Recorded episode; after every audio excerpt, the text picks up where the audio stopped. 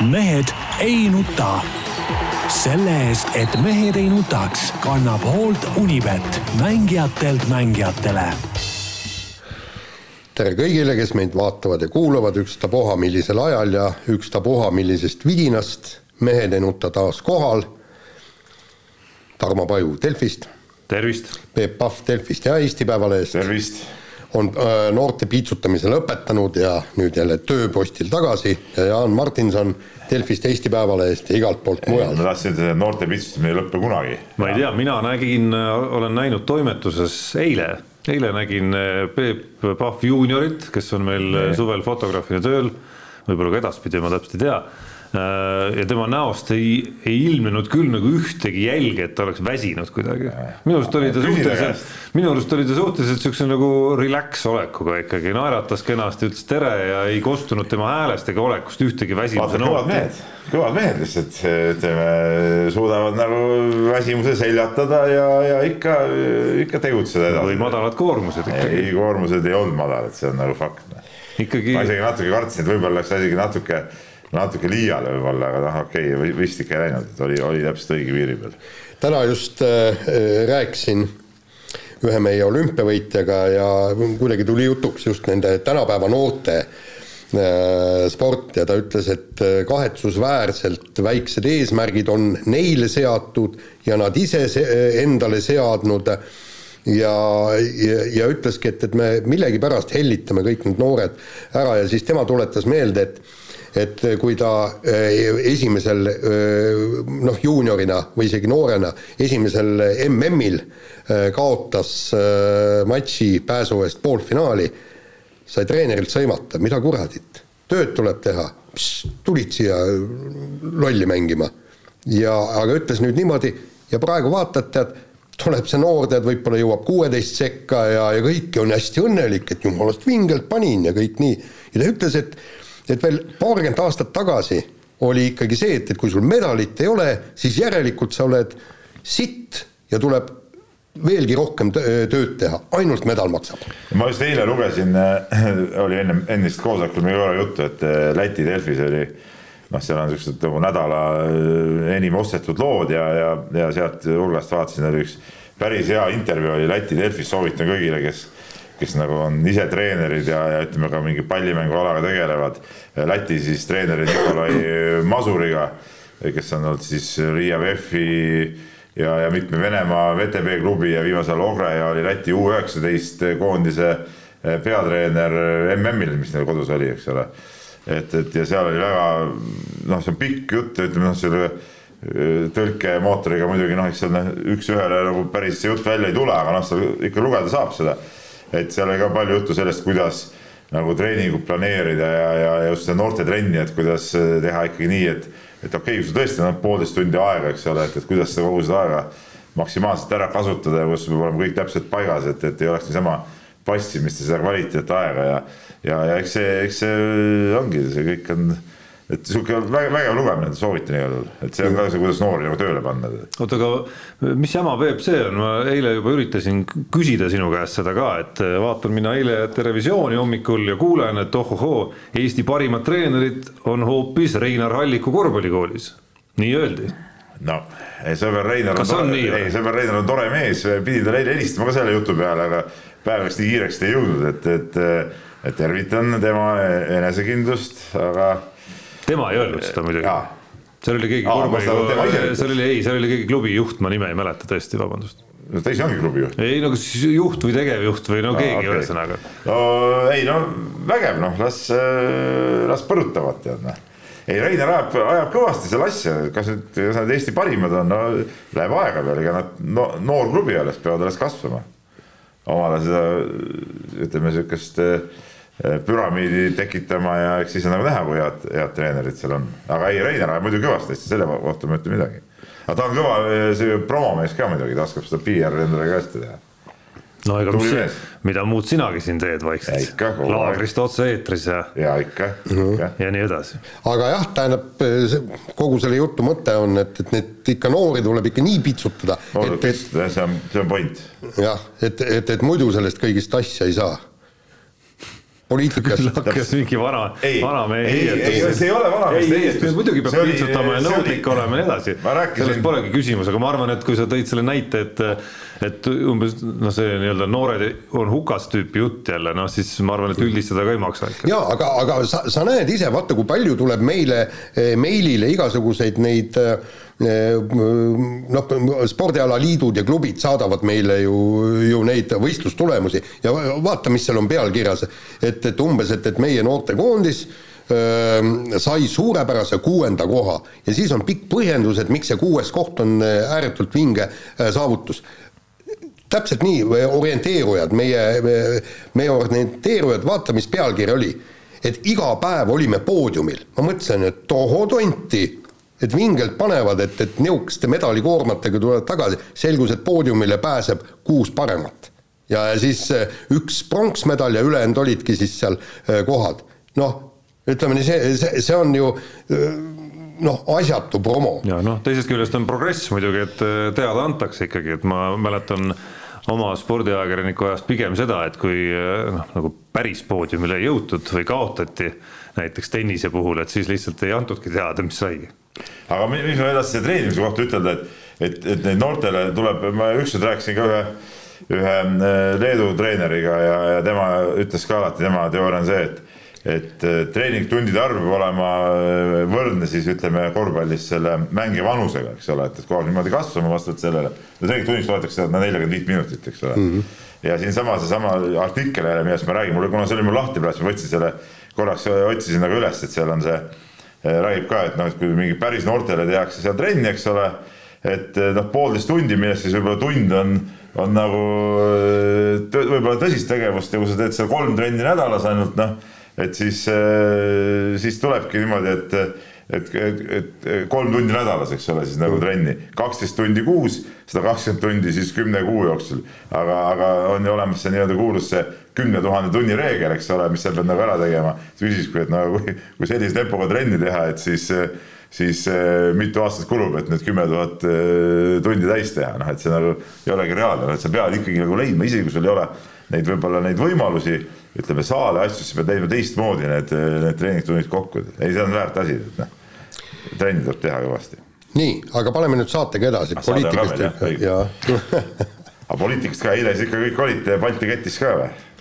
No ma arvan, et äh, sa küll üritasid siin kuidagi varjata, et, et sa seal olid, aga või väita, et sa ei olnud seal, kuigi mul on ikka kahtlused, et küll, küll sa seal ikka olid. ei, sa tead, ma ennem rääkisin, millega ma tegelesin eile.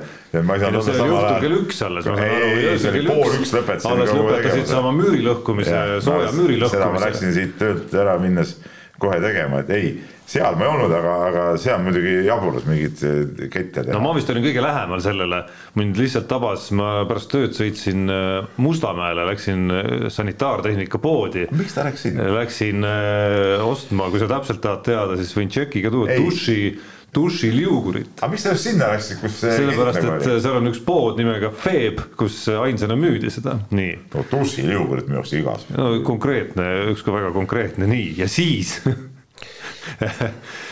ta noh, nagu tagasi, see on nagu Peetrisse sõites mööda Tammsaare teed, mõtlesin, et et nagu aeg, noh kell oli pool seitse umbes siis jah, tekkis suur väga sportlik huvi ikkagi, et nagu minna ikkagi nagu sealtkaudu, kus see nagu marsruut on, et äkki saab mingi ägeda jäädvustuse, mis lõpuks ilmuski saab mingi ägeda, ägeda jäädvustuse või midagi, et no nagu näha, mis siis nagu toimub seal, et keerasin sealt järvelt siis Viljandi maanteel ära ja, ja Peep juba tahab sõna võtta, sain ka need videod kätte sealt ja siis no midagi ei ole öelda, ma lihtsalt sõitsin, sõitsin terve tee, ma olen, nagu te teate, väga tolerantne inimene muidugi. aga, aga sõitsin terve see tee, eriti need kohad, kus siis nagu rahvast natuke rohkem oli. no sõitsin siukses asendis umbes niimoodi nagu oota, aga Jaan, aga vaata nüüd, kas sina teadsid, kus see kett nagu läbi läheb või? ei tea, ma ei teadnud, et üldse mingi kettki on. mina ka ei Kuule, tea, see aga millegipärast Tarmo teadis täpselt, kuhu minna, kus seista korraks kuule, see, kui mina ei tea, Peep. ja nii edasi Peep, ja nii edasi ja Peep, nii edasi. kui ma ei teaks nagu nii-öelda nagu ametist tulenevalt juba, kui ma ei teaks, kust see pidi kulgema ja mis see plaan seal on, see oleks umbes sama, mis äh, sa ei teaks, et meil järgmine nädal algavad võrkpalli Euroopa meistrivõistluste finaalturniiri mängud ja kus saalis need on. aga miks sa näost nagu roosatasid järsku? absoluutselt ei lähe, see, kes kuulab meie saadet, siis äh, igaks juhuks markeerin ära, et siin on mingi totaalne bluff. ei, ma grilli, grillisime praegu Tarmot lihtsalt niisama. väga eba ebaõnnestunud. muide, üks, üks asi oli, äh, äh, heitsin pilgu peale ja tegelikult lugesin rohkem neid äh, lugusid sellest presidendi roosiaiast kahekümnes august. selle, selle bordüüri ära ju sest et kui mina näiteks käisin seal mm. roosiaias. siis oli terve. nii, siis oli terve kõik. mina ka toetusin sinna peale. nüüd tuleb välja, kus see nüüd tuleb Peep Kohe. välja, kust see mõra sinna tekkis. mingit mõra ei olnud, oleks kohe alla kukkunud. aga nüüd, kui sina läksid, ma nägin, poseerisid seal mingi veiderdasid sa selle ees, no loomulikult siis tead, asjad lähevad katki. aga, aga, aga tead, mis mõte, mõte mul pähe lõi, me arutasime naisega ka seda, et äh, üldiselt oli seal koos seesama kamp, kes käib iga fucking aasta kolm-neli korda kõik seal kuskil presidendi vastuvõtul, kõik need poliitikud, värgid, särgid. Ja siis hakkasin ma mõtlema, et huvitav, et miks nad ei miks nad ei kutsu sinna roosiaeda inimesi, kes on tõesti olulised? Ja esimene mõte äh, tuli pähe, meil on see sitapütimees ja, ja, ja, ja siis, kui teda ei ole, vot siis on häda käes. Ja, ja, ja, ja, ja kui, kui vend ütleb, et, et tal on nii pikk järjekord aga okei okay,, ma tulen ja võtan sind vahele, et, et, et sul ei ole see kogus eriti suur ja tuleb õigel ajal, teeb kõik oma tööd briljantselt ära või seesama korstnapühkija või seesama õpetaja, nemad on tegelikult olulised, on seda poliitikut või ei ole, absoluutselt pohh. ükstapuha, kes see poliitik seal on sellest pole ka, aga kui sul puudub sitapütimees, õpetaja, korstnapühkija, arst, vot neid tuleks tegelikult sinna kutsuda. toetan Jaani, toetan. no varsti uus president kindlasti vahetuvad ka külalised no, või no, no mingil, mingil määral vähemalt. tunned teatud nukrust sinu hääletoonis? ei, absoluutselt mitte. et äh, aga noh, fakt on see, et kindlasti mingid muutused tulevad, noh, riigikogulased on muidugi alati ja veel mingi sektor, aga. ootame siis, et Põlluaas saaks ikkagi presidendiks. Äh, noh, Põlluaas sinu kahjuks ei saa ikkagi. miks mitte, kunagi võid teada, kuidas. Helmel oli ju peas see plaan olemas, kuidas see niimoodi läheb. jah ja ütle, kas enne Kersti Kaljulaiu äh, presidendiks saamist sa teadsid äh, kaks nädalat enne, et temast saab president? ei teadnud. no vot et ära ole nii kindel, nii, aga lähme nüüd Lähme nüüd, lähme, lähme nüüd teemade juurde ja räägime võrkpallist, avaldati siis EM-finaalturniiri Eesti koondise nimekiri ja kurb küll, aga Gert Toobalit seal nimekirjas ei ol-, ei ole ja vend, kes on viis, viis EM-i äh, mänginud ja kelle kellest me oleme ju kogu aeg rääk-, rääkinud, eks, et teised positsioonid saavad kaetud, aga, aga vot nüüd sidemängijaga, kui Gert Toobal lahkub, et kuidas me sealt välja veame ja vot nüüd ongi tõestamise koht, nüüd hakkab see ju, järgmine nädal hakkab turniir pihta. et eh, mis me teeme? No ma muidugi vaidleks alustuseks su sissejuhatusele vastu, et meil eh, nüüd nagu nii kõva koondis ka ei ole, et, et kõikidel muudel positsioonidel võiksime lubada, no näiteks siis äh, Robert Tähe eemalejäämist äh, nurgaründaja koha peal või näiteks äh, Oliver Venno eemalejäämist diagonaali koha peal, et, et, et selles mõttes võib-olla jah, võib-olla seal esimese tempo osas on tõesti niimoodi, et sul isegi Treiali-sugune mees jääb välja, aga aga neid positsioone on ikkagi veel, kus on vähemalt üks mees olemas, ilma kelleta me nagu suurt mängu ei mängi. jaa, aga, aga ikkagi sidemängija no,. mis sa naerad? sidemängija on ju ikkagi A ja O. jaa, ei, lihtsalt tuli vahepeal üks kiri ma ei tea, kes meil seal äh, režiipuldis täna istub, aga mind Tarmo Pajuks nagu nimetada oi-oi-oi-oi-oi-oi. no näed, ma võin sulle näidata saati. no see on suur au sulle. ei vastupidi, see on no, midagi hirmsamat. ei, oota, ma hakkasin praegu mõtlema, et see on nagu ai kurja, lähme kohe, Peep, mõlemad ilmselt nii, aga see selleks jah, räägi Peep, sa, sa oled ju seda neid aastate jooksul seda võrkpalli võib-olla rohkem jälginud no, kui mina. viimastel ajal muidugi olen võrkpallist natuke kaugeks jäänud, aga mingi aeg küll. ei no võrkpalli, selge see, et see Toobali eemale jäämine, isegi see, kas ta oleks seal mänginud või, või mitte mänginud, aga nii-öelda nagu, nagu riietusruumi kunnina oleks ta või oleks ta igal juhul olnud nagu vajalik võistkonna juurde. et, et, et see on nagu, see on nagu selge, et tema on olnud ju tegelikult läbi läbi nende aastate selle koondise sihuke nagu selgroog või, või, või sihuke mastipuu nagu mõnes mõttes. no riietusruumis ta, ma nüüd ei tea täpselt neid reegleid, ei vist tänu koroonale vist ei ole väga lihtne tal jääda sinna ole, tiirutama koondis sinna koondise koondis, juurde on ju, aga ma arvan, et rolli, see sellest rolli peaks nüüd siis Rikberg äh, minema, eks ole, kes on ka muidugi sõnakas mees, aga võib-olla selles suhtes nagu ütleme, ütleme, Tooval oli lisaks siis Ardo Kreegile, kes on ainsana jäänud veel, kes on läbi kõikide nende EM-ide olnud äh, koondises, kui finaalturniiridel on mänginud, mängitud et tema oli nagu siis äh, teine see mees ja tema oli ikkagi sihuke kapten ja, ja, ja väga oluline lüli, et, et noortele kindlasti oleks see väga suur tugi. kas ta nüüd mänguliselt nii palju mõjutab? noh, arvestades seda, et tal olid siin ka vigastused ja asjad, noh, võib-olla ta oleks ennast vormi saanud. raske ütelda, noh, seda on nagu raske hinnata, aga, aga ütleme, ütleme niisuguse mentaalse poole pealt kindlasti oli see, on see suur löök. Noh, kui me räägime sellisest nagu heas vormis Gert Toobalist, noh mida ta tegelikult üldiselt ju on olnud Eesti jah, eest, kui ta juba mängima on tulnud, on ju, noh siis noh, kuri kahtlus on, ma siin natukene enne saadet ka mõne endast oluliselt pädevama võrkpalliinimesega pidasin nõu sel teemal, et et noh, kuri kahtlus on, et kindlasti see ikkagi jätab mingisuguse jälje, et tõsi, see jätab väiksema jälje, vähemalt noh, see on nüüd eeldus kõik, et me ei tea ju, kuidas Robert Viiber ja Renet Vanker reaalselt nagu välja veavad selle koha peal ja selle oma elu tegelikult kõige suurema katsumuse Sellistes koha peal, sellistes jah, mängudes kodu, kodusaalis ka veel, et, et noh, see on ikka päris kõva väljakutse, aga kindlasti on see probleem täna väiksem, kui see oleks olnud näiteks mõnel eelmisel turniiril, eelmistel aastatel, et nad mõlemad on ikkagi päris arvestatavalt arenenud.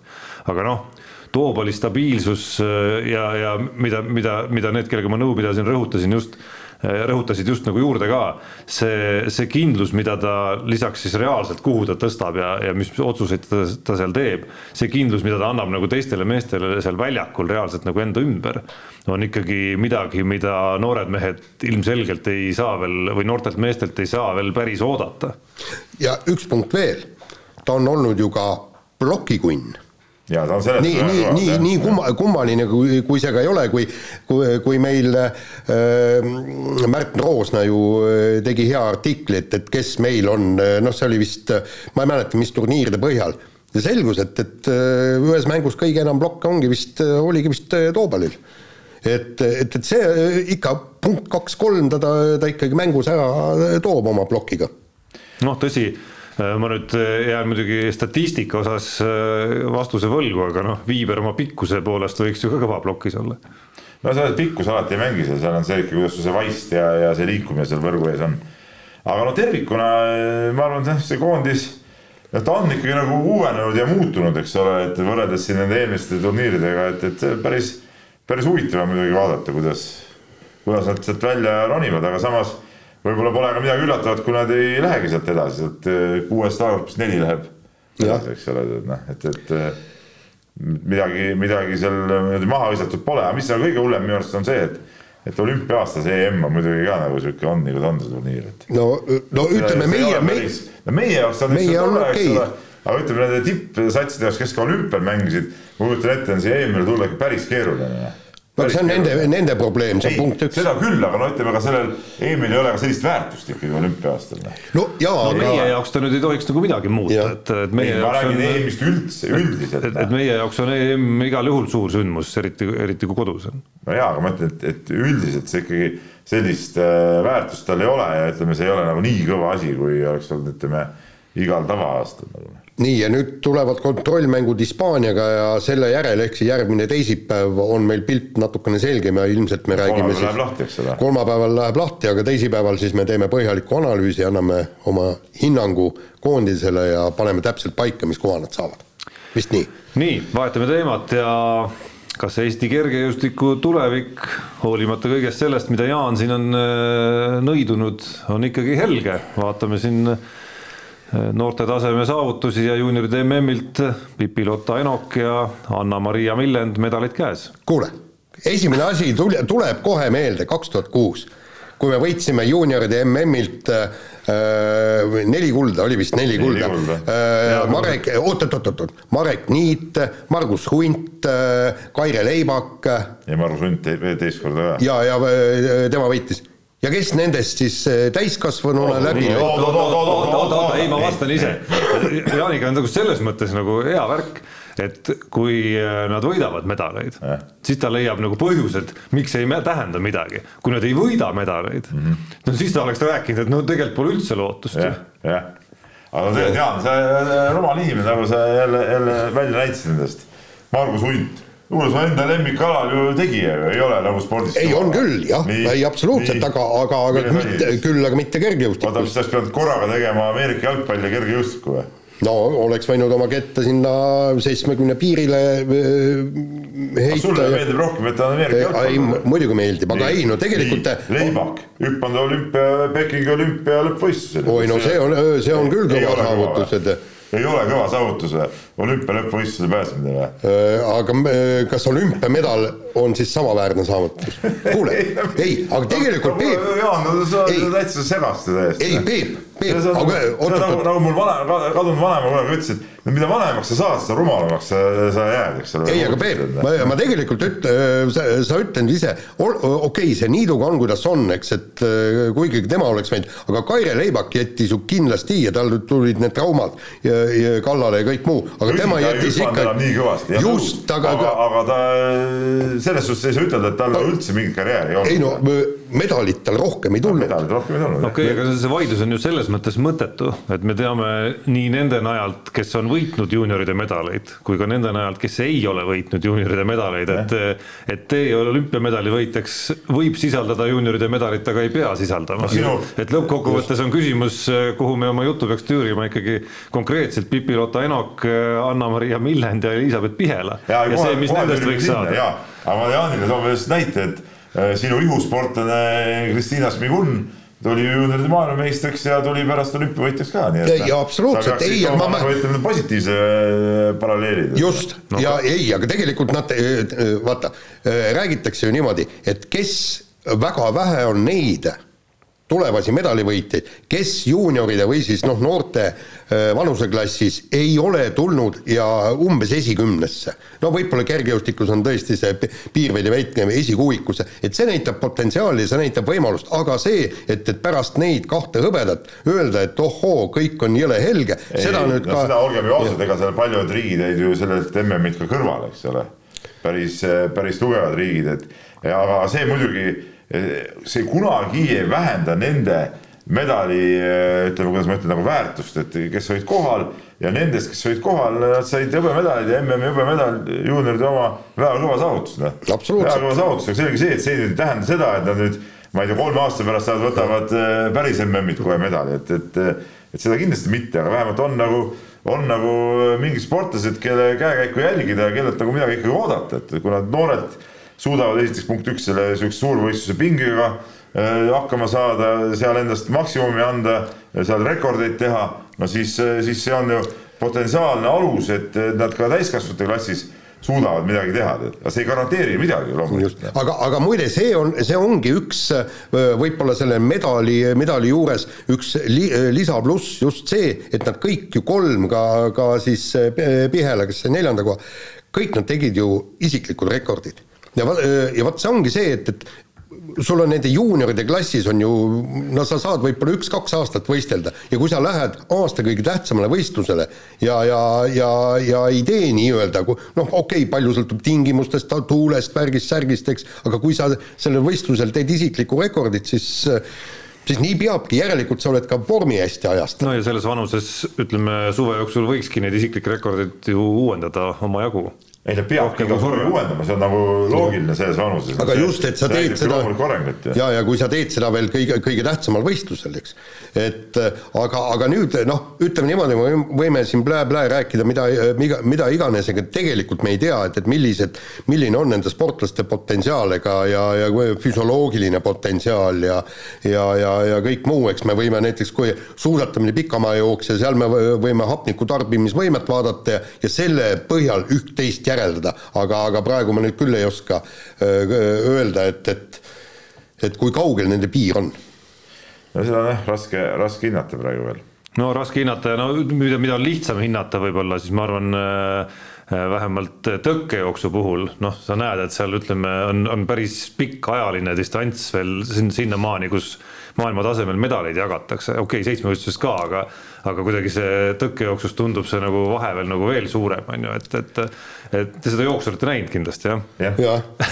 olgem ausad, see oli üks üks no mitte naljakas on vale sõna muidugi, aga ikkagi nagu mõnes mõttes tra üks tragikoomilisemaid no jookse, mis on hea, aga see ei vähenda kuskilt otsast medali väärtust. see, kuidas sa endaga seda toime tuled. Noh. Liht-, jaa, lihtsalt see näitab ka seda, et noh, seesama kukkuja Kambodži või mis ta nimi oli, eks ole, noh, et tegelikult oma potentsiaalilt noh, on ikkagi nagu valgusaasta võrra eespool. ja ei no seda muidugi, aga, aga ma ütlengi, see ongi see, kuidas sa võid olla nii kõva kui tahes, aga kui sa endaga hakkama ei saa seal võistlusel koperdad kusagil, lähed midagi nässu, no siis nii ongi, no ega siis sa võid ju ükspuha mis alal, võid olla ju mm. autorallis ka sõita, ma ei tea, kakskümmend kiiruskatset olla pikalt ees, kahekümne esimesel paned kraavi ja teine mees sõidab ära ja ongi kogu no, muusika nagu, on teine mees on kõvem. lihtsalt selle tuleviku perspektiivi üle arutledes, kui me siin oleme tohutud spekuleerijad, siis noh, kui ma pakuks sulle kihlvedu, et ma ütlen, et see Kambutši tuleb kunagi medalivõitjaks ja sina ütled, et et tuleb millen, et noh, siis, siis ma arvan, et see ei ole võrdne kihlvedu näiteks. hetkeseisuga vähemalt. hetkeseisuga kindlasti jah ja.. ei, aga tubli ikka, tubli ikka ja, ja noh ütleme nii, niimoodi, et nende, seoses nende tulemustega on, oli nädalavahetusel ka üht-teist vaadata, okei okay,, ma seda kõrg, kõrgushüpet telekast ei viitsinud vaadata, aga ma panin selle nii-öelda live protokolli panin, panin ja, endale ette ja, ja... et, et see ongi nagu oluline, et meil nagu on mingi, ütleme päris aladel, no ütleme kergejõustik, olgem ausad, on ikka suur, no ütleme spordialad, eks ole, kuni kannad, et noh, et, et, et, et meil on seal ikkagi mingid äh, medalid tulemas, on ta siis juunioride klassis, noorteklassis, seal ei ole vahet, eks ole, me saame sealt medaleid ära, et meil ikkagi midagi on, see ei tähenda muidugi seda, et meil oh, Eesti kergejõustik kõik on mingi viis pluss, et noh, ei no kaugelt sellest, eks ole, aga, aga aga, aga ikkagi mingid, mingid tüübid meil osatakse välja tuua, et meil on ka mingid head noortetreenerid, kes oskavad neid nagu üles, üles tõmmata. nii, aga lähme nüüd edasi, nüüd on Eesti jalgpallis on siis tähendab noh olukord on selline, et, et kui Eesti kunagi kuskile päris eurosarja turniirile ei saa, et siis tuleb muidugi teha juurde kogu aeg uusi eurosarju no,. siiski ma segan vahele, nagu sa vana mäletad, sulle meeldivad vanad ajad, siis vanasti oligi kolm eurosarja. Äh, oli küll jah, aga no nüüd. kas, kas ei olnud üks vahe neli isegi, mingi Inter Toto? Inter Toto oli ka jah, aga seal me kuhugi vist ei jõudnud, siis ei olnudki alagrupi turniir, vaata vanasti teistmoodi see süsteem. aga no see selleks, ütleme minu silmis ka praegu, et see see konverentsiliiga võrdub siis omaaegse UEFA karikasarjaga umbes, eks ole, mis oli tugevuselt äh, kolmas sari siis. noh, nii ja naa, eks ju. sellepärast on, eks ole, Champions liiga on meistrite karikasari, Euroopa, Euroopa liiga on karikavõitjate karikasari, nagu ütleme, nagu ja. selle põhimõtte järgi ja siis äh, see nüüd see konverentsiliiga konverentsiliiga on siis äh, nagu UEFA karikasari, noh. ja aga, aga ainult selle mööndusega, et, et omal ajal tippriigid saatsid. nii, see mina tean täpselt, kuidas see ja. selles äh, meistrite karikasarjas üks võistkond ehk meister, karikavõitjate karikasarjas üks võistkond ehk karikavõitja ja UEFA karikasarjas. teine-kolmas koht. Äh, oli äh,, ei, seal oli isegi mõnel riigil oli isegi neli võistkonda, see okay., see, see oli juba mingi reiting. aga, aga sõlt-, aga, aga sõltuvalt. tase oli muidugi, level oli kümme korda kõrgem. just, et sellepärast. kui mis? kui praegu seda. just, sest seal no, oli ju see. praegult on ju suurriikidest on ju, ju äh, ma ei tea, Inglismaad, Hispaaniat on juba Champions League'is seal mingi neli klubi, ma ei tea, teised neli äh, Euroopa liigas mm -hmm. ja siis veel need kuskil tabeli lõpu omad on siis see konverentsi. jah, Tarmo, kõikides suurriikides, kui kui äh, tuli see, äh, tähendab, ühesõnaga seal on see, et, et sõltus sellest, kes karika võitis ja kui karika võitis mingisugune üllataja, siis sinna UEFA-sse tuli ju riigi tšempionaadi ehk Inglismaa või Hispaania või Itaalia tšempionaadi teine, kolmas, neljas koht tulid ja. sinna mängima, eks. jaa, kõik on arusaadav, aga aga eks see tipp on läinud igal pool ka, ka päris karmiks, et kui sul sealsamas konverentsiliigas noh, Tottenham Hotspur on potentsiaalne vastane ja AS Roomad ja nii edasi, ju, et siis noh, siis ei ole siia teemasse vist väga palju mõtet kinni jääda, et, et kui väärtuslik või kui kõva sõna see on, kui Flora lõpuks sihile pääseb, lisaks sellele rahale, mis, mida meeldib aga... lugeda loomulikult igas pealkirjas. kusjuures aga, jah, aga, aga mängu, mängu vaatasite? absoluutselt. ja, ja vinge mäng, vinge mäng. mütsi maha ja ütlema, et sellise naudinguga ma ei ole vist nagu ühtegi Eesti klubi kunagi isegi nagu vaadanud mängimas, tõsi jah, siin eelmistel hooaegadel Levadia ja Flora on ka varem suutnud siin eurosarjas nagu noh, natukene nagu furoori tekitada, aga, aga sel suvel on... mängis Levadia Newcastliga. just, just, just ja Flora mängis ka see Frankfurt vist või, aga, aga, aga ka need kaotatud mängud eelmistes ringides ja, ja ka see esimene mäng nüüd selles praegu käsil olevas ringis iirlaste vastu, et jube kihvt, ongi nagu sa jäädki vaatama lihtsalt, et, et nagu tavalise vaatajana sa oled rollis, kus sa klõpsid teleka, oletame, et sa ei ole nagu planeerinud oma õhtut selle järgi, aga siis tuleb meelde, et see mäng on, hakkad vaatama ja ei. ja jäädki vaatama, vaatama lihtsalt. See... ma seda mängu lõpuni näinud, ma nägin kaks-üks seisu pealt, ma pidin, mul olid seal trennid ja asjad käisid veel õhtune, hilisõhtune trenn hakkas, et siis ma seda nagu ei näinud. noh, mis on no. nagu äge just on ju see, mis panebki vaatama, on, on see suutlikkus luua tegelikult olukordi ja realiseerida, et, et seesama seltskond seal eesotsas. olukordi, kus ta ei realiseerinud. okei okay,, aga ta on ka väga palju realiseerinud kõikides nendes mängudes ja realiseerinud ikkagi nii, nagu sa näed telekas tihti vähe kõrgemal tasemel mehi realiseerimas, et. et seesama seltskond seal, Sapinen, Ojamaa, Zenjov, Vassiljev seal eesotsas on ikka päris nauditav vaadata. vähemalt sellel tasemel. üks, sellel Flora edul on, see on kaks poolt, eks ole, ühes mõttes ühe poole pealt oleks muidugi jube äge, miks ma tahaks, nad väga sinna saaksid, on, eh, on see, et, eh, et me näeks siin kodus siis nagu ägedaid võistkondi, noh. äkki tõesti seesama Tottenham tuleb siia mängima. no pluss ikkagi, nagu pluss päris arvestatav osa meie koondisest saab ka reaalselt mängida neid ägedaid mänge. ja ei, seda muidugi, nii.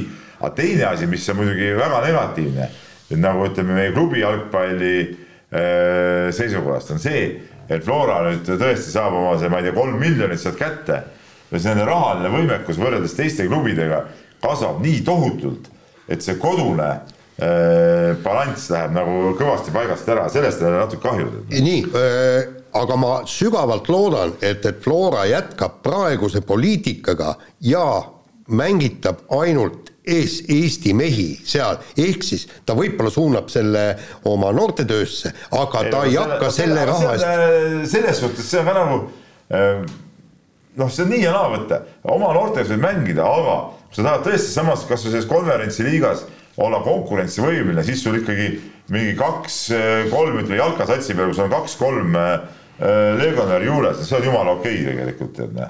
ja, ja, ja aga need peaks olema siis ka suht kõvad vennad tead ja nüüd noh, okei okay,, selle rahast muidugi maailma mõistes kõvasid vendi ei saa, aga Eesti mõistes nad saavad võtta küll päris kõvasid vendi. Nad saavad võtta ka kõvasid eestlasi, kui vaja on sinna et, et, no eks nad ongi, nad ongi, nagu nad ongi ju suutnud tegelikult, äh, aga nad on suutnud tegelikult selles värbamisvõitluses äh, olla edukas juba ka enne oma seda, noh, esiteks neid miljoneid ei ole käes neil loomulikult veel, aga nad on ka see varem suutnud, kui neil seda eelist ei ole olnud, nii et noh, tuleb müts maha võtta ja öelda, et te olete head tööd teinud, no alates Vassiljevi tagasitoomisest. no okei okay,, no Vassiljev Vassiljeviks, aga sa tead ju küll, et seal on äh, võib-olla mõnikord mängivad ka mingid muud tegurid, miks noored Florast tahavad tulla seal, ütleme selle karjääri mõistes ka, ütleme, kuidas sealt edasi saab ja kuhu edasi saab ja ja need koondiste teemad ja nii edasi. noh, jaanilikult veel äh, nii-öelda äh, oponeerides, siis no ega keegi ei takista teistel samamoodi edu saavutamast. jah, seda küll. seda muidugi jah, seda muidugi ja, ja, ja seda üha,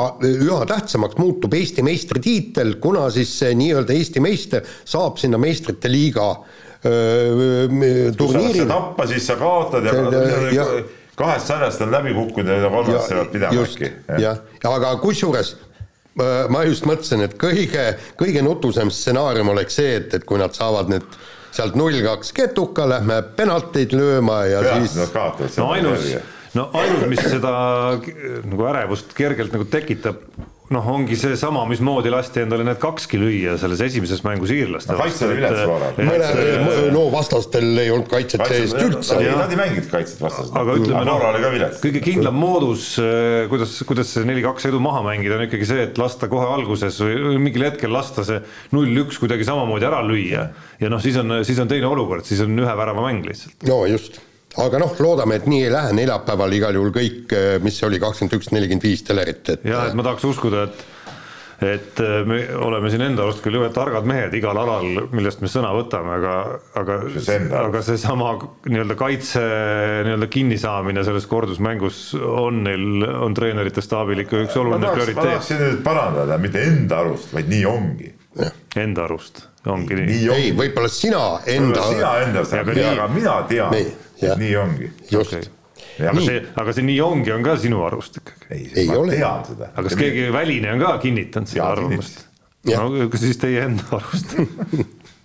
nii, aga võtame järgmise teema ja rääkige mulle Siim-Sander Venest, lõppes leping Hispaania klubiga ja mis siis on, tulebki Kalev Cramosse või? no esimene uudis selle kohta, käime seda jada nüüd läbi, kui, kui tuli, see oli eelmine nädal vist või? Oli see uudis, et, et Siim-Sander Vene ja Fuenlabrada oma lepingu lõpetavad, siis oli seal see Kalev Cramo kuskil pealkirjas veel juures. tõsi, uudist lugedes selgus, et, et need kontaktid, mis neil olnud on, on kuu aja vanused ja vähemalt eilse seisuga on minu info, et neil värsket kontakti ei ole veel olnud tõsi, vist tekib, aga, aga tõenäosus, et jõutakse terve hooaja peale kokkuleppele, ma arvan, et see tõenäosus sõltub eelkõige sellest, mis variante Siim-Sander Venel äh, veel tekib no nii palju mina ka rääkinud, ma olen ka aru saanud, et ikkagi ütleme, terve hooaeg käib rahaliselt Kalevile ilmselgelt üle jõu, noh. seda oli juba siis teada, enne kui see esimene uudiski tuli, noh, oli nagu juttu sellest eh, teatud ringkondades, et, et, et, et noh, et, et kas on nagu räägitud ja mis variandid seal nagu on ja ja, ja, ja see öeldi kohe ära, et, et noh, see käib nagu üle jõu, et see, see rahaline level on, on lihtsalt nii kõrge, noh. jah, no kuigi ma oleks ülirõõmus, kui kuskilt hüppaks välja ikkagi mõni sponsor, mõni rikas mees, kes, kes äh, võtab ette ja, ja leiab selle variandi kuidagimoodi ikkagi äh, istuda maha ja, ja ühest küljest siis natuke raha kuskilt juurde leida ja teisest küljest võib-olla Siim-Sander tuleb natukene vastu ka, et, et mulle nagu korvpallisõbrana tohutult meeldiks see kahel põhjusel, no üks on see, millest me siin oleme mitmes saates juba rääkinud, et Kalev Cramo vajaks Kalevi tegemiste vastu mingisugune huvi, oleks Siim-Sander Vene seal väga no nüüd sa olid nagu liiga resoluutne, et, et, täitsa- minul see huvi on. on, ka ilma selleta, aga see kasvataks seda veelgi.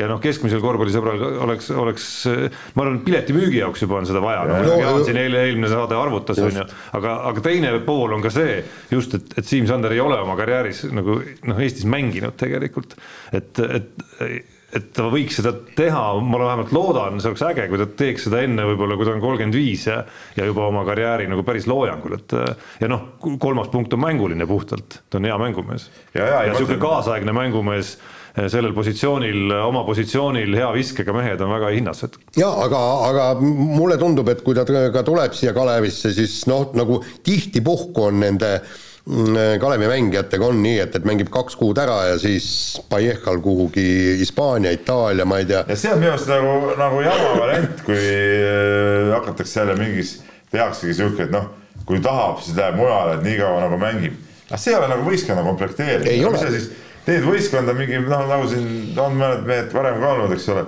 mängib siin mingid mängud ära, siis paneb minema, no aga mis, mis selle asja mõte siis on? mis selle asja mõte on? sa mängid ju seda hooaega selleks, et saada hooaja kokkuvõttes kõrget tulemust ja nende meestega, kelle, selle järgi sa komplekteerid ju võistkonda, sul ei ole mõtet ju komplekteerida võistkonda selle klausliga, et mees mängib natuke aega siis läheb minema, no aga mis ma siis teen siis, noh. kuidas ma siis seda, seda tulemust saavutan, noh. Et see on nagu, see on nagu selles suhtes äh, nagu, nagu jama, jama variant, me oleme siukseid käike väga palju näinud ja ma, ma seda käiku ei mõista tegelikult. jaa, aga sa saad aru, see käik tehakse puhtalt sellepärast, et raha ei ole. ja, ja sul ongi mäng, mängijaga kokkulepe, mängija tuleb sulle vastu, jah, minu turuväärtus on, ma ei tea, kümme tuhat äh, eurot kuus. aga okei okay,, ma olen nõus kaheksa tuhandega, aga kui keegi maksab mulle kümme tuhat, vot siis ma lähengi aga, sinna aga. see ei ole nagu mingi jätkusuutlik äh, klubi kas sa ütleks ei sellele, et äh, oletame, et on, ma ei tea, suva, lihtsalt täiesti suvaline nimi, Rauno Nurger on nõus tulema umbes veerand palga eest Keilasse esiliigat mängima, aga selle klausliga, et kui tuleb ikkagi äh, pakkumine välismaalt, siis, siis tal on õigus lahkuda. no see on selge, et see No pakkumine võtaks sellisel juhul tuleb, aga no aga, aga mis selle point, ei, ma ei ole päris kindel, mis selle point nagu on. seda ma ei- sinu käest, kas ei. sa võtaks vastu või mitte. aga sa, kuidas sa ehitad seda võistkonda siis sedasi, noh? Et tuleb mingiks paariks. No võib-olla ei tule- võib-olla ei lähe ära. vot vanasti ei olnud siukseid asju. Ei, muidugi ei vanasti ei olnud siukseid edasi-tagasi, tõmbab ju hooaja jooksul seitse korda klubi vahetusi ja mingeid asju. kuidas ei olnud, kuidas ei olnud, isegi Margus Metstak tuli Nõukogude Liidu äh, meistri See oligi mingi tiitli hooajal tuli ju mina ei saanudki sellest aru, kuidas Soome- sai tulla, see oli täitsa arusaamatu. Pabenko tuli ka hooaja keskel. ei no Pabenko tuli ikkagi hooaja alguses. Mestak tuli igal juhul. tuli siis, kui pärast Soome so- vaaks sai läbi ta tuli ju vahetult enne play-off'i, ma ei tea, kas ta üldse põhiturniiri jõudis kaasa mängida midagi. ei tea jah. aga noh, see selleks, noh, ei, ma saan aru, miks huvitsejad teevad jah, et, et seda tulemust saada ja võib-olla tõesti ma võtaks ka, et, et saame mingid võidud alla, aga kokkuvõttes see ei ole võistkonna moodustamisel nagu jätkusuutlik, et sa, et sa teed siukseid käike kogu aeg. Noh. jah, aga tegelikult noh, ma ütlengi, et, et, et mind häirib juba see, eks, et, et hooaeg lõpeb ja sisuliselt võistkond läheb, lähebki laiali ja, ja siis augustis kuskil äh, hakkavad tulema jutud, Peep kirjutab, et näed, me oleme sõlminud lepingu ühe mängijaga, teise mängijaga, kolmandaga, nüüd me otsime siit veel noh, umbes ei no nüüd sa ei no seda püsivust on vähe. no see, see, aga, see nüüd oleneb klubist ikka väga palju. ei no ütleme, Euroliiga klubides see nii ei ole aga ei, aga ma mõtlen meie, meie tasemel. ja kui sa võtad ka selle, ütleme, madalama eurosarja, vaatad neid Kesk-Euroopa klubisid, noh, et seal ju sisuliselt tihtipeale ju no ma ei tea, kümme, kaksteist venda mõnikord isegi vahetuvad, noh. No mis, mis see, mis see jälle, ma küsin veel kord, mis minu kui korvpallisõbra point oleks, kui Kalevis vahetuvad iga aasta näiteks, vahetuksid äh, kümme mängijat, noh? No ma ei vaidle selles mõttes vastu, et minu unistus oleks ka, et äh, noh, näiteks Kalev Cramol enamik lepinguid äh, mängijatega, keda tahetakse, on ikkagi pikaajalised, on kahe, kolme, nelja ja nii edasi aastased, mida nooremad ja perspektiivikamad, seda pikemad, et absoluutselt loomulikult, aga ma arvan, et siin äh, kuskil tasemel panebki raha piirid ja, ja nii ta paraku praktikas on ja noh, võib-olla klubi ise ei seisa ka siis võib-olla piisavalt tugevatel jalgadel, kui mõelda nüüd nagu pikaajaliselt. aga sellepärast ei teki ka nende klubide vastu sellist huvi, selles on point. nii, aga nüüd laseme kõlli nii, lähme kiire vahemängu juurde ja Kelly Sildaru äh, avaldas järg, järjekordse videoblogi või vlogi või mis iganes see on. Ja, ja ma mõtlesin, et näed, et hooaeg on kohe-kohe ukse ees, et, et ma näen seal, kuidas tõsiselt trenni tehakse ja nii, et veri ninast väljas, aga, aga selgub, et äh, Pekingi olümpiaks ta küll valmistub oma sõnul, aga videost näeme Äh, hoopis äh, surfamist ja Portugalis tšillimist ja kõik, kõik, et äh, mind natuke häirib see. no vot, see ongi nüüd see nende ütleme, tänapäeva võib-olla mingite spordialade ja sportlaste selline noh, teistsugune suhtumine asjadesse, kui võib-olla ütleme, meile meeldiks ka või kuidas me nagu harjunud oleme või, või mida me nagu tõsiseks peame, et, et et seal selle muule värgile pannaksegi rohkem tähelepanu, seda näidatakse ka, ega me ei tea, ta teeb ju võib-olla samal ajal ka kõvasti ei, absoluutselt, jah. et aga ma tahaks, sa oled Jaaniga, ma tahaks ka näha seda, kuidas ta trenni teeb, mitte seda, kuidas ta seal kuskil poseerib või, või, või, või supleb, eks ole. ja, ja kusjuures mina ootan videot sellest, kuidas ta näitab, et teeb ära kahekordse salto ja ütleb, et näed, see on nüüd mul võistluskavas kenasti olemas. ja ma arvan, eh, seda videot ma vaataks ka hea meelega jah, aga ütleme seda Chilli ja, ja Pilli videosid ma ei viitsiks ka vaadata, tead näe. aga Tarmo, Tarmo? ma läksin nüüd, ei, ma tegelikult kaldusin, ma kaldusin natukene rajalt kõrvale, et ma läksin otsima mõne tema konkurendi sotsiaalmeediat, et kas seal ka lumepilte värskeid näha on, aga ma lihtsalt nii kiiresti ei, ei jõudnud kohale. Ei no aga ei pruugi olla, ma räägingi, see ongi see tänapäeva noorsportlaste, kuigi ütleme. jube palju. Ma, ma, ma ütlen lihtsalt kommentaariks nii palju, jube palju täna on seda vanade meeste heietamist siin no,, noored nii jälle. ja noored naa ja la, aga ma tahtsin tuua ka teistsugust näite, näiteks võtame, võtame Vasareit ja Preidu Oreli, eks ole tema sotsiaalmeedias on ka palju siukseid, ütleme äh, noh, ilupilte, eks ole, samas äh, postitab ta väga tihti, kuna ma vaatan, meil on see spordi Instagram, mul omal Instagrami ei ole, aga meil on Delfi spordi Instagramis ja ma igal seal vaatan, mis seal nagu sportlased teevad. postitab väga tihti ka sinna oma vasaraid ja neid äh, videosid, väga tore, väga hästi vaatame, et näed, trenn käib, töö käib ja et ütleme, asi on parlanksis, eks ole. aga kui seal on ainult mingi tilu-tilu tead, noh siis, siis ei ole nagu tõsiseltvõetav. jaa, aga no see samas jällegi tuleb, tulebki sealt välja, et tänu nendele videodele, Instagramidele, Facebookidele, millele iganes, teenivadki nad eh, rohkem tähelepanu kui siis selle kahekordse saltoga ja, ja sealt tuleb ka siis kuigi sisse tuleb. salto on palju tähtsam kui see surfamine, see peaks tähelepanu. ei no jaa, aga, aga, aga siis ongi neil, neil on igasugused äh, lepingud, värgid, särgid, pappi jookseb ju mitte kahekordse salto pealt. no need ei välista ju teineteist, te saate ise ka aru treenimine ja, ja postitamine küsimus postit- antud juhul on lihtsalt, et kas on siis see treenimine ka nii nagu peab või ei ole. me tahaks näha seda treeningut ka, mitte seda. Tegelikult ma tahaks näha ikkagi- keegi ei takista teda treeningutest äh, pilte postitamast, et no seda me räägime. ei, ma ei ütle selle vastu midagi, aga no ega ma, ega ma mingi nagu ülisuur jälgija ka ei ole. ja järgmine vlog, vlogi paluks teha pealkirjaga, kuidas, kuidas ma lõpuks äh, suudan teha kahekordset äh, saltot. kuidas ma ennast punasesse ajasin?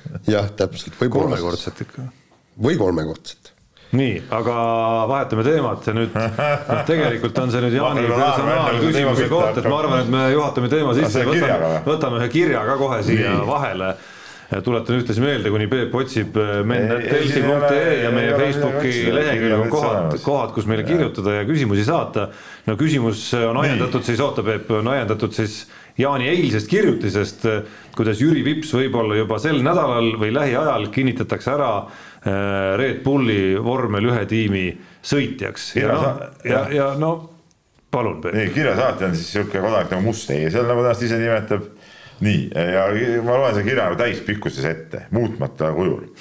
sattus lugema Jaan Martinsoni poolt produtseeritud uudist Jüri Vipsi võimalikust siirdumisest vormel ühte ja sooviks väga teada, millistel faktidel selline uudis põhineb. kolm küsimärki. Ei, ei oska üte- ütelda, kas tegemist on soovmõtlemise või täieliku asjatundmatusega, aga reaalse elu ja olukorraga ei ole antud kirjutisel mitte midagi pistmist. aga natuke nüüd faktidest, nii. esiteks, lugedes rahvusvahelist meediat, ei ole kuskil märgata, et Red Bullil oleks mingisugunegi tõsiseltvõetav plaan kahe hooaja vahel sõitjaid vahetada. jah, Helmut Marko on avaldanud teatud rahulolematust Sergei Pereze ja Yuki Tsunoda aadressil, kuid inimesed, kes on natukenegi vormel ühe, ühel silma peal hoidnud, teavad, et Markot ongi raske õnnelikuks tehakse, teha. samas Kristjan Horner on jällegi korduvalt eh, maininud, et kõikide sõitjatega ollakse üldises plaanis rahul ja tema, tema põhjuseid muudatusteks ei näe. teiseks, sõitjad, kes Jaan Mattiaseni arvates peaksid oma koha pärast muretsema. no siin on põhimõtteliselt nagu kõik sõitjad eh, üles loetud, kes üldse vormel ühes on, eks ole. Ja noh, siin noh, ma ei hakka neid nagu ette, ette lugema. nii, et noh, Jaan, Jaani arvates kõik peaks nagu öö, olema ärevuses, nii, tuginedes eeltoodule. Kordaks küsimust, millele tugineb Jaan Martinsoni ootus? minu ootus äh, tugineb Helmut Marko sõnadele ja, ja intervjuudele, mida ta, mida ta andis äh, Itaalia väljaandele ja, ja seal on ka podcast'id, äh, särgid-värgid ja, ja seal ta ja kolmas asi, miks, miks teised sõitjad, keegi ei pea muretsema väljaspool Red Bulli süsteemi, sellepärast et Red Bulli süsteem ongi niisugune pealtnäha absurdne, esiteks see, mida arvab äh, Chris Horner või, või, või, või siis äh, mõni te, teine tiimi, Alfa Tauri tiimi juht, see, see ei tähenda mitte midagi, on üks diktaator. ja, ja, ja see on Helmut Marko, tema ütleb, kuidas asjad on ja nii need asjad on. Ja, ja, ja kolma, kolmas asi on ju just sellel Red Bulli poliitikal, me näeme ju, kui, kui absurdseid käike tehakse kui, kui, kui leitakse ühel hetkel, et, et mees, kes tegelikult sõidab üsna okeilt, eriti veel kollanoka aastal, aga ta ei ole liiga hea. Ja lihtsalt võtame see äh, Alex Alboni, eks, kui, kui ta minema peksti ja kõik ja nüüd ongi äh, see, kes lendab minema Red Bulli süsteemist, väga harva saab sinna tagasi. Ja kui Helmut Marko ütleb, et me ei ole ikkagi Sergio Perez'iga rahul, et ta on liiga kaugel Max Verstappenist siis võibki juhtuda, et nad toovadki, nad, nad kogu aeg otsivad Max Verstappenit, Vettelit või Ricciardot, kes on nende süsteemis olnud. ja kui nad ei leia, toovad järgmise, tuleb vips, jääb Verstappenist kaugele, lüüakse minema. ja kohe Red Bulli rooli. ah? ja kohe Red Bulli rooli no aga räägivadki, jah. no ma ei tea, ma nüüd vahepeal lõin äh, Google'i otsi- otsingu, uudiste otsingusse ka nagu sisse Jüri Vipsi nime, et kas midagi kuskilt kumab läbi. ja jõudsin, jõudsingi kusjuures ühele väga värskele artiklile tund aega tagasi on ilmunud No, okay. GP blog on selle aadress, ma ei tea, kas sa. Jaan oled kunagi Jaa, ei, käinud seal- seal, ma ei tunne seda maailma nii Jah. hästi. lugu räägib täpselt sellest teemast kusjuures, et kes võiks olla Perezi järglane, kui Perez ikkagi osutub pettumuseks. ja algab siis selle klausliga, et, et noh, Perezil on aega nüüd ikkagi vist kuus etappi tõestada veel, et ta on äh, väärt tahetakse septembris teha, ma, vot seda ütles Helmut Marko otse välja, et septembri eh, kuu jooksul ja võib-olla juba nüüd spa etapil me paneme järgmise aasta tiimi paika, kõik neli sõitjat. Nii, ja siis noh, see on see kui osa siis on ju, et aga, et ühesõnaga, kui Perezi väljavahetamiseks läheb, kes siis on ja siis on nagu seitse selle väljaande ajakirjanikku on siis vastanud, kes nende nagu peakandidaat on ja ma loen need nüüd ette. Pierre Gasly, Fernando Alonso, Valteri Botas, Pierre Gasly, Fernando Alonso, Valteri Botas, Pierre Gasly. Vipsi nimi käib ka korra läbi ühe seitsmest vastajast suust koos Liam Lawsoniga ja juures on kommentaar, et üks aasta F2-s võiks äkki mõlemale veel kasuks tulla. jaa, aga Helmut Marko ütles, me tahame tuua oma noortesüsteemist ja ütles, mul on nimed olemas, praegu ma neid välja ei ütle. ma ei tea, et, et Valter Bottas oleks Red Bulli eh, noortesüsteemi no ma usun, et kuulunud. need GP blogi tüübid on ka Marko lauseid lugenud. no vaatame, võib-olla ma eksin, võib-olla on mul õigus eks see Jaan on muidugi tuntud oma lennukate teooriate poolest. artikkel oli hea, tõi ju korralikult klikke. aga kui õigus on Jaanil, eks siis peame kummardama. jah, täpselt, täpselt. toome puravikke või midagi. jah, näita toob ise ma ei tea, miks meile ei toonud. jah, nii palju on, nagu sa rääkisid. ei, mul ei ole palju. Jaan käis metsas puravikke toomas ja rääkis, kus ta mingi kolm korvitäit. No ma ei tea, üks sulle, üks mulle, üks Tarmole, ma ei tea, milles küsimus on, kus meie ei, puravikke oli ainult üks korvitäis ja see läks kõik endale. ei, need olid teised seened, sa ei taha, kukeseened olid, sulle ei meeldi. võtnud siis tatikaid. ei, tatikaid ka ei olnud, pilvikuid oli. ah, pilvik on normaalne, kupata. kuuseriisid, kuuseriisikad, no kuule, neid ma ei anna sulle, ma, ma ei anna neid kellelegi. enamikke pilvikuid ei pea kupatama ei, ühtegi pilvikut ei pea kupatama, me ei, me ei, ei, ei, elus kupatatud, punane pilvik. ei, ei pea, ei pea. ei pea. aga vanasti, vanasti kupatati. ei, vanastati küll, aga nüüd on uus poliitika ja pilvikud. uus poliitika, enam nad ei ole kibedad. ma just kaks nädalat tagasi. ei, ei, nad ei olegi kibedad. ma just kaks nädalat tagasi. mina mäletan, ma pole ausalt öeldes pillikuid, ma tulin, läks seene jutu peale, ma ei ole pillikuid muidugi söönud, ma arvan, no viisteist aastat võib-olla aga ma mäletan küll, et vanasti oli küll, et pillikutega oli see kupatamise teema, miks, ma ei tea. ma kaks nädalat tagasi metsas käies jätsin sinna omajagu nii punaseid kui kollaseid pilvikuid just selle nagu mingi tundega, et nendega ei viitsi nagu jännata, kogu see kupatamine tundub mingi selline natukene nagu tüütu ja mõttetu vaheetapp, kui on võimalik valida seeni, mida sa saad kohe ikkagi nagu manustama hakata. ja siis pärast töötasin seeneraamatu läbi ja sain ka targemaks, et värskelt võib vabalt süüa ja täitsa head nii, aga kuule, paneme edasi. nii, lähme edasi jah, aga seenejutt. see no seenejutt on ikka. see mulle meeldib, eriti kui on need siuksed väiksed marineeritud ja, ja selle kõrval.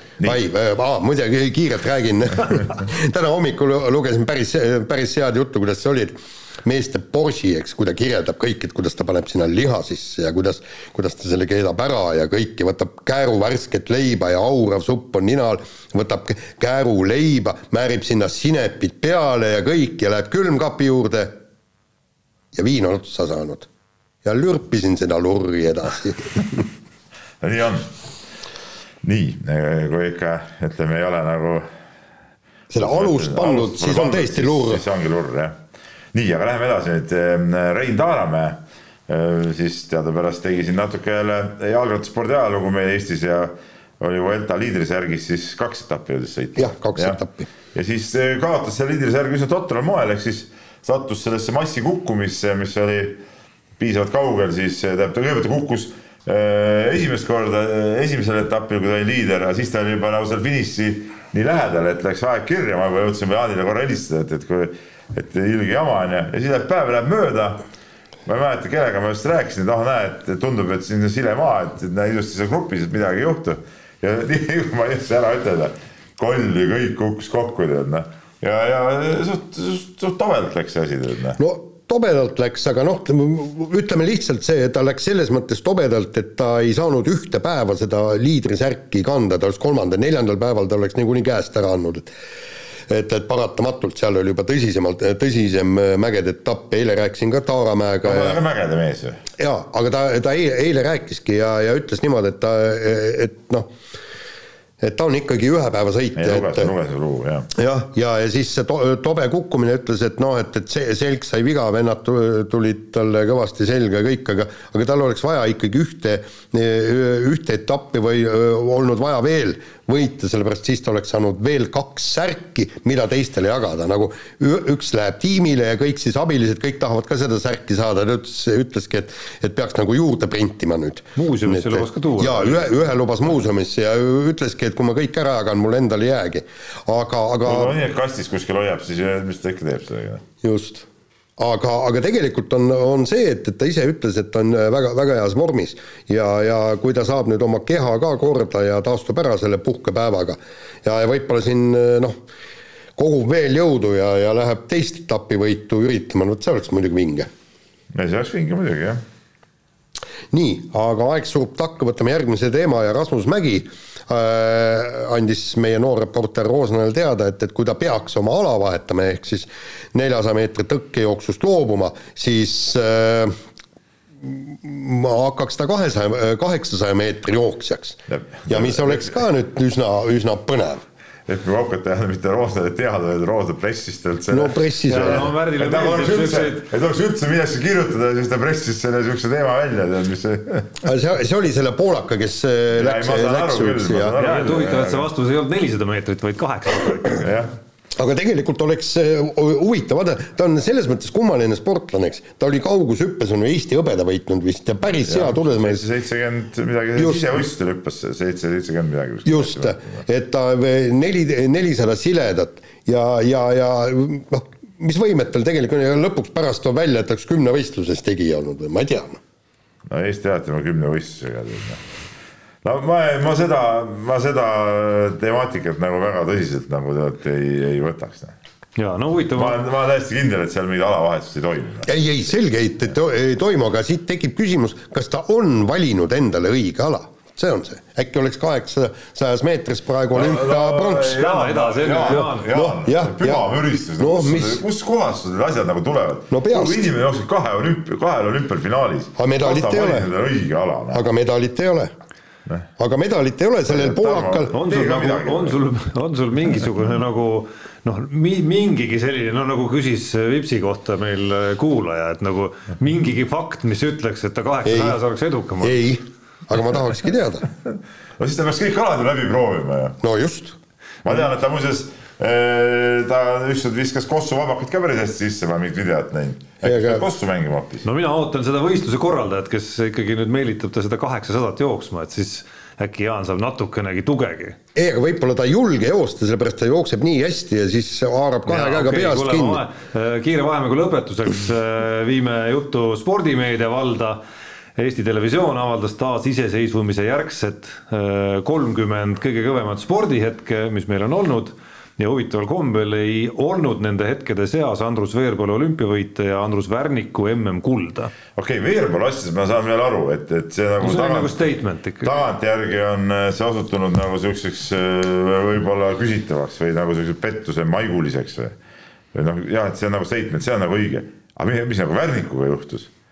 Mis, kuidas saab, kuidas saab Värnik, kelle, kelle maailmameistritiitel ma pakuks välja viimase kolmekümne aasta spordihetkede no, no top viies, ma ütleks isegi. no top viies kindlasti. et, et ku- kuidas see sai välja jääda, halloo, noh, kuule head sõbrad, nii, niisugust asja ei saa ju teha, unustasite ära või?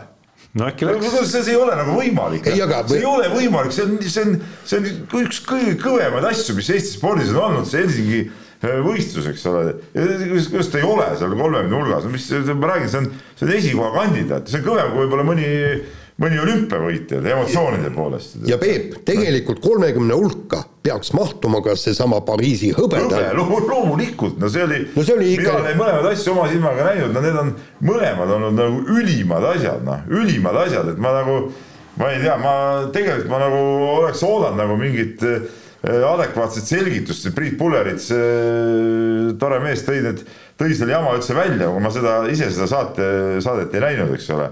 Aga no jumal, kui ma vaatasin seda, no see on ju kui nalja teete, seal pooled asjad, mis seal top kolmekümnes on, see on kukesupp ju selle kõrval, noh. no see on nali ju täielik ju tead, noh.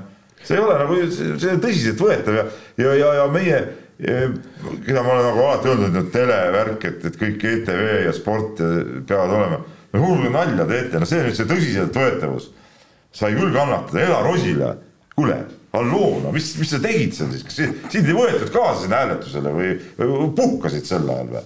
või kui teised kergejõustik midagi aru, Anu Säärits, noh, ka kergejõustik, kas teid ei olnud siis või? Kilumets, hallo, Juhan, helista mulle pärast, et noh. kuule ma arvan, et ei vaja kommentaare.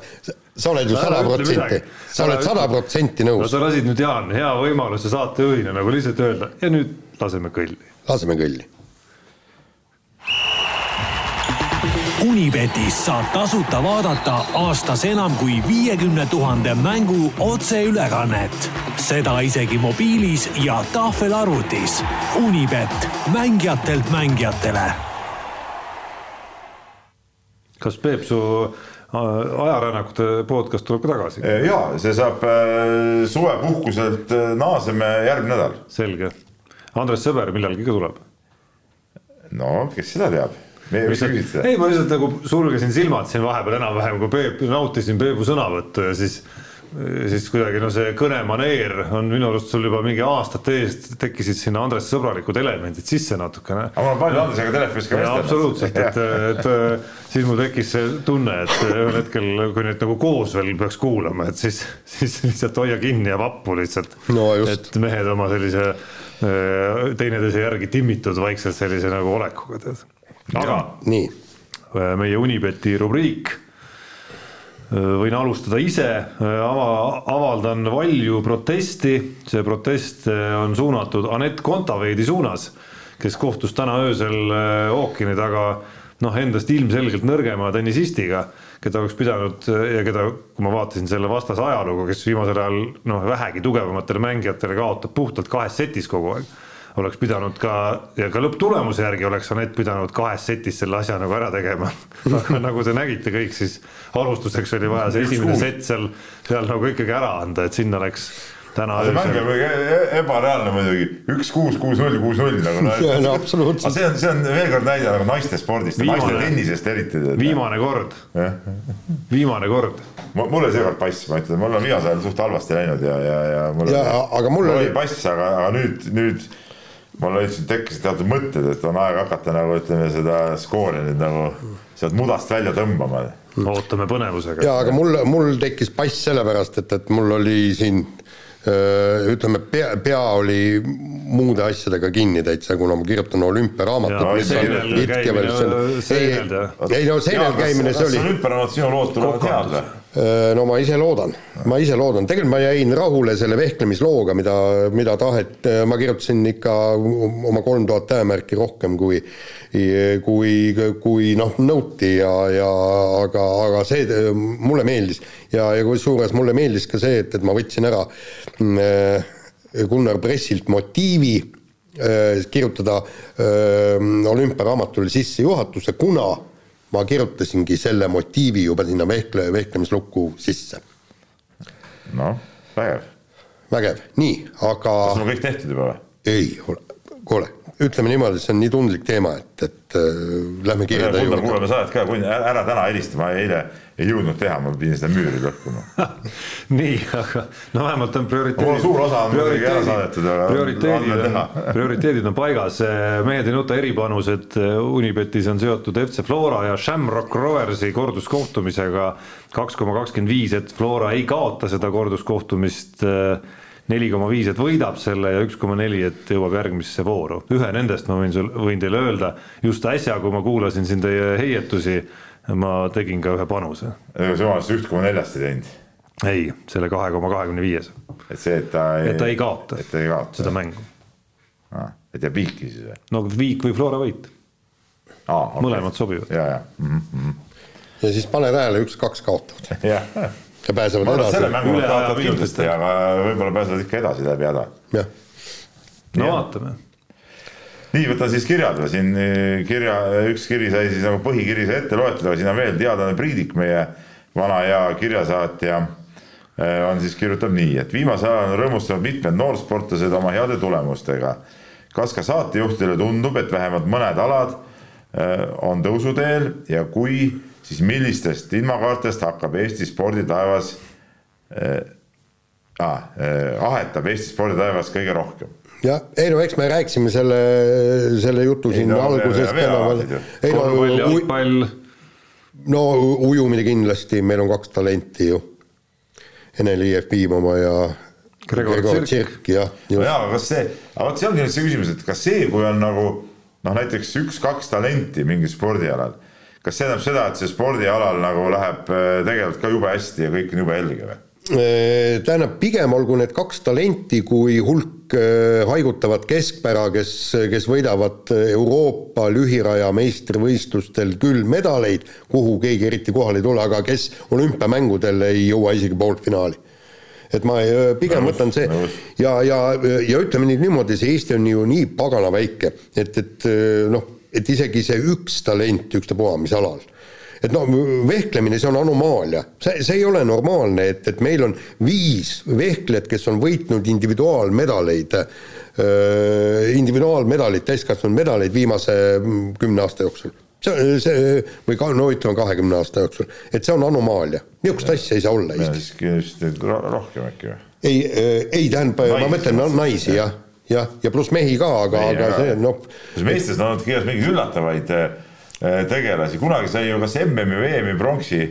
ja ma, ma tean. mul ei tule praegu enam isegi nimi meelde mm. -hmm. täitsa nagu, nagu noh, ka nagu ootamatult nagu tuli mm. -hmm tuli neid, et, et, et neid on küll. aga, aga see, et, et meil on, meil on naiskond, meil on nai, neli naist ja, ja olümpiavõitjad, see on Eesti spordi anomaalia no ma suuskasin kiirelt vahele siin enne, aga noh, ka tõsiselt rääkides lõpuks nagu kõige rohkem tahaks, tahaks neid tõuse ju näha suurtel aladel, ongi korvpall, jalgpall, kergejõustik noh, seesama ujumine, tennis näiteks, kui me nagu maailma glamuurialadest veel räägime sinna juurde, et, et seal tahaks neid nagu kõige rohkem näha, kellel oleks potentsiaal siis nagu olla igapäevaselt äh, pealkirjades igapäevaselt äh, pildis ja nii edasi, et. aga tennises on vist nagu selles suhtes hakkab asi nagu pilve minema, et, et, et noh, Kanepi mingi hetk ju lõpetab kohe ka Kontaveidile ütleme samaväärset või lähe, ligilähedastki Äh, mantlipärijat ei ole ka äh, tulemas peale, et selles suhtes on, on tennise seis suhteliselt happu ja, ja, ja, ja mis meil nagu mõned alad, mis meil on omal ajal väga tugevad, on ju, ütleme judo ja asjad, eks ole, on ju täitsa täitsa ära kustunud, et, et, et neid nagu, neid nagu ja. polegi. Noh. aga tead, seal on, seal ma vaatasin, natuke lugesin, soomlased kritiseerivad selgelt oma olümpiasporti ja, ja kõike, siis ma noh, loen, mis nemad seal arutlevad ja mõtlevad ja nemad ütlevad, et Soome spordi üks väga suur probleem on see, et ei ole pädevaid treenereid, kes suudaks ja oskaks sportlasi viia no absoluutsesse tippu ja, ja, ja seal ta ütleski, et, et me peame sisse tooma know-how'd, me peame sisse kaks võimalust, kas me peame tooma neid sisse, neid treenereid endale või saatma oma äh, sportlased nende käe alla. Ja, ja, ja soomlased leiavad, et see, see on nüüd äh, see probleem. Ja, ja, ja ma leian, et see on täiesti õigustatud probleem, sellepärast kui sul on olemas talent ja kui ta lõpuks äh, tõesti piirdubki olümpiamängude võib-olla mingisuguse kaheksanda kohaga, aga tal on potentsiaali rohkemaks, siis järelikult seal on kuskil probleem, et miks. ja, ja üks põhjus võib ikkagi olla see, et, et, et treenerid ei ole, nad on väga head noortetreenerid, kes viivad nad tõesti nii-öelda sinna äh, tipu äh, jalamile, aga vot sealt edasi. Nii, aga võtame ühe kirja veel ja, ja see on nagu suht lihtne ja lühike kiri Indrekult, et tere mehed. Eh, Peep, kuidas kommenteerid, kas rihmutusmasin läheb tööle EKRE-s ja siis on viidatud on uudisele, kus siis, et eh, öeldakse, et EKRE passiivsus viis Müürsepa valimisteks Isamaa ridadesse. no Isamaa on ka tore partei, no isamaalised mehed kuule, aga tegelikult Müürsepp kuulub ikkagi rohkem EKRE-sse. seda küll, jah. see lugu sellest rääkiski, et ja. Eh, kus ta ise ütleski, et tema vaated kõige rohkem on nagu EKRE omad, aga kuna EKRE huvi ei tundnud tema vastu, siis ta liitus Isamaaga, mis ütleb mulle nagu rihmutusmasina osas pigem, kas ei ole nagu õigus rihmut- või mõte rihmutada Martin Müürsepa ennast? Et kas parteisse või ütleme, okei okay,, ta, ma ei tea, kas ta astus parteisse ka või ta kandideerib lihtsalt nimekirjas, aga üldiselt nagu poliitikasse minek siis võiks ju käia niipidi, et nii, mul on mingid vaated, noh, ükskõik, on ta nüüd Reform, Sots, EKRE, mis iganes, siis ma lähen sinna parteisse, astun liikmeks, hakkan kandideerima. aga vaata, nüüd sa äh, selles suhtes. Äh, mitte, et kes teeme, mulle pakub midagi. teeme asjad nüüd selgeks. kohalikel valimistel ei oma partei oma parteiliste vaadetega mitte mingisugust tähtsust. kohalikel, ma ei räägi mingist Tallinna jura, mind see Tallinn üldse ei huvita. ma räägin koduvaldadest siin-seal, väiksemad linnad, seal on ainult see, kes on, ütleme seda kohalikku elu suudab edendada. Ja see on ainus kriteerium, olgu ta ükspuha, ma olen nõus isegi, isegi sotsi valima, kui see sots on, ütleme, oleks näiteks teeks minu vallas mingeid häid asju. Mul on tema sellest poliitilisest vaatest täiesti ükspuha ja, ja, ja sellepärast kohalikel valimistel ongi igast valimisliidud ja, ja, ja mingid siuksed grupeeringud saavad väga palju ju, ju seda edu saavutada, sellepärast et seal valitakse inimesi, mitte parteisid. parteiline vaade ei oma kohalikel valimistel absoluutselt mitte mingisugust tähtsust, mingid Kristen Michalid ja, ja vennad, kes räägivad mingid, oh teeme siin mingisuguse Keskerakonna vastase koalitsiooni ja ja nii edasi. kuulge, pange mingid normaalsed inimesed, äh, äh, keda valitakse, mitte poliitikat. ärge tulge Tallinnasse ka, ma arvan isegi, poliitikat tegema, vaid ajage normaalset kohalikku asja, tead, vot siis, siis nagu inimesed hääletavad teie poolt, see, see üldine poliitvaade on täiesti mõttetu nagu.. ja, ja, ja kusjuures siin ma veel tallinlasena, pooltallinlasena lisaksin, et kõik ümberringi äh, karjuvad ja hädaldavad, kui halvasti asjad Tallinnas on ja, ja, ja kõik nii aga mikspärast on siis Keskerakond aastaid ja aastaid võimul olnud? sellepärast, et poliitik võib arvata, et siin on asjad halvasti, aga see, kes valib, nii ei arva. ja see ongi väga, väga lihtne jah ja., sellepärast et tegelikult ma räägin, eks, minul kui Penskaril, pea, peatsel Penskaril, mul ei ole mitte mingisugust probleemi siin Tallinnaga. okei okay,, seal on mõned üksikud küsimused, mis võiks olla teistpidi lahendatud, aga, aga lõppkokkuvõttes äh, ma ei näe, ma ei näe põhjust, miks nad peaksid siit üldse öö, ja, ja, ja tähtis on kokkuvõttes see, ütleme, ma vaatan oma vallas ka, et mul oleks seal see tee korda tehtud, eks ole, ma ei tea, seal puud lõigatud, asjad tehtud, eks ole, kauplus töötaks, kool töötaks, arstipunkt töötaks. Ja see, vot selle eest peavad inimesed seisma, aga sellel kõigil ei ole poliitika mitte mingisugust pistmist. just, ja, ja, ja kui me võtame vana Bütsantsi teooria siis parem olgu need äh, vanad, vanad nii-öelda kohalike omavalitsuste ehk siis seal siis nagu piirkondade valitsejad, olgu nad siis äh, vanad ja aastaid seal, sellepärast et nad on oma taskud juba täis kühveldanud, sinna midagi ei mahu, aga kui sa paned uue venna, siis selle taskud on ju veel tühjad. ja siis hakkab, äh, hakkab selle kühmaldamine, kusjuures Bütsansis... üks teooria muidugi, et küll küllale liiga ei tee. nii, ei, ei, aga muide. rajad on sisse tallatud juba, hea on käia mööda samu radu, vaata. siis ma... selle loogika järgi, Jaan, peaks Müürsepa nüüd rihmutama üldse selle eest, et ta, et ta Keskerakonda ei läinud kandideerima kõik ja, on nii hästi. et aga... Isamaa ju üritab, üritab siin olla üks suurtest kukutajatest, tänagi on mingisugune, mingisugune sihuke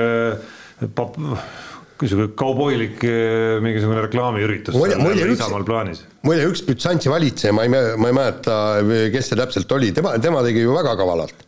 lasi neil valitsejatel seal olla, iga viie aasta tagant saatis püssimehed või noh, mõõgamehed sinna peale, tõmbas venna varandusest tühjaks, aga jättis edasi, edasi sinna valitsema. Läks viis aastat mööda, temal olid jälle kirstud täis, taskud täis järgmised mõõga, järgmised mõõgamehed tulid ja kõik toimis no selle ajalootunniga ja vist paslik, ma olen saade nüüd ka ja, ära lõpetanud. no nüüd jääb veel välja mõelda, et kuidas see mõõgamees siis nagu tänapäevases kontekstis peaks sealt keskerakondlastest äh, aparatšikute juures siis nagu läbi käima. ei, aga need mehed, kes vanasti seal Männiku karjääris tegutsesid, kas need ei võiks kuskilt välja otsida? jaa, absoluutselt. no nahktagides ja dressipükstes. ja kuhu, ja kuhu see läheb kõik siis? Ei no läheb. sest nad jätavad endale selle kõik. ei, ei, see, see tuleb ei, siis rahva hüvanguks. kuidas see ära korjatakse? kuidas see nagu ära korjatakse ja avalikku, avalikku kasutusse jõuaks? ei no aga siis ongi ja pannakse ka avalikku kasutusse. seatakse fakti ette. võimas. nii. nii, aga sellega on saade läbi ja kuulake meid järgmisel nädalal ükstapuha mis kellaajal ja ükstapuha millist vidinatest, aga meie istume siin teisipäeval kell üksteist. mehed ei nuta. Saate tõi sinuni Unibet, mängijatelt mängijatele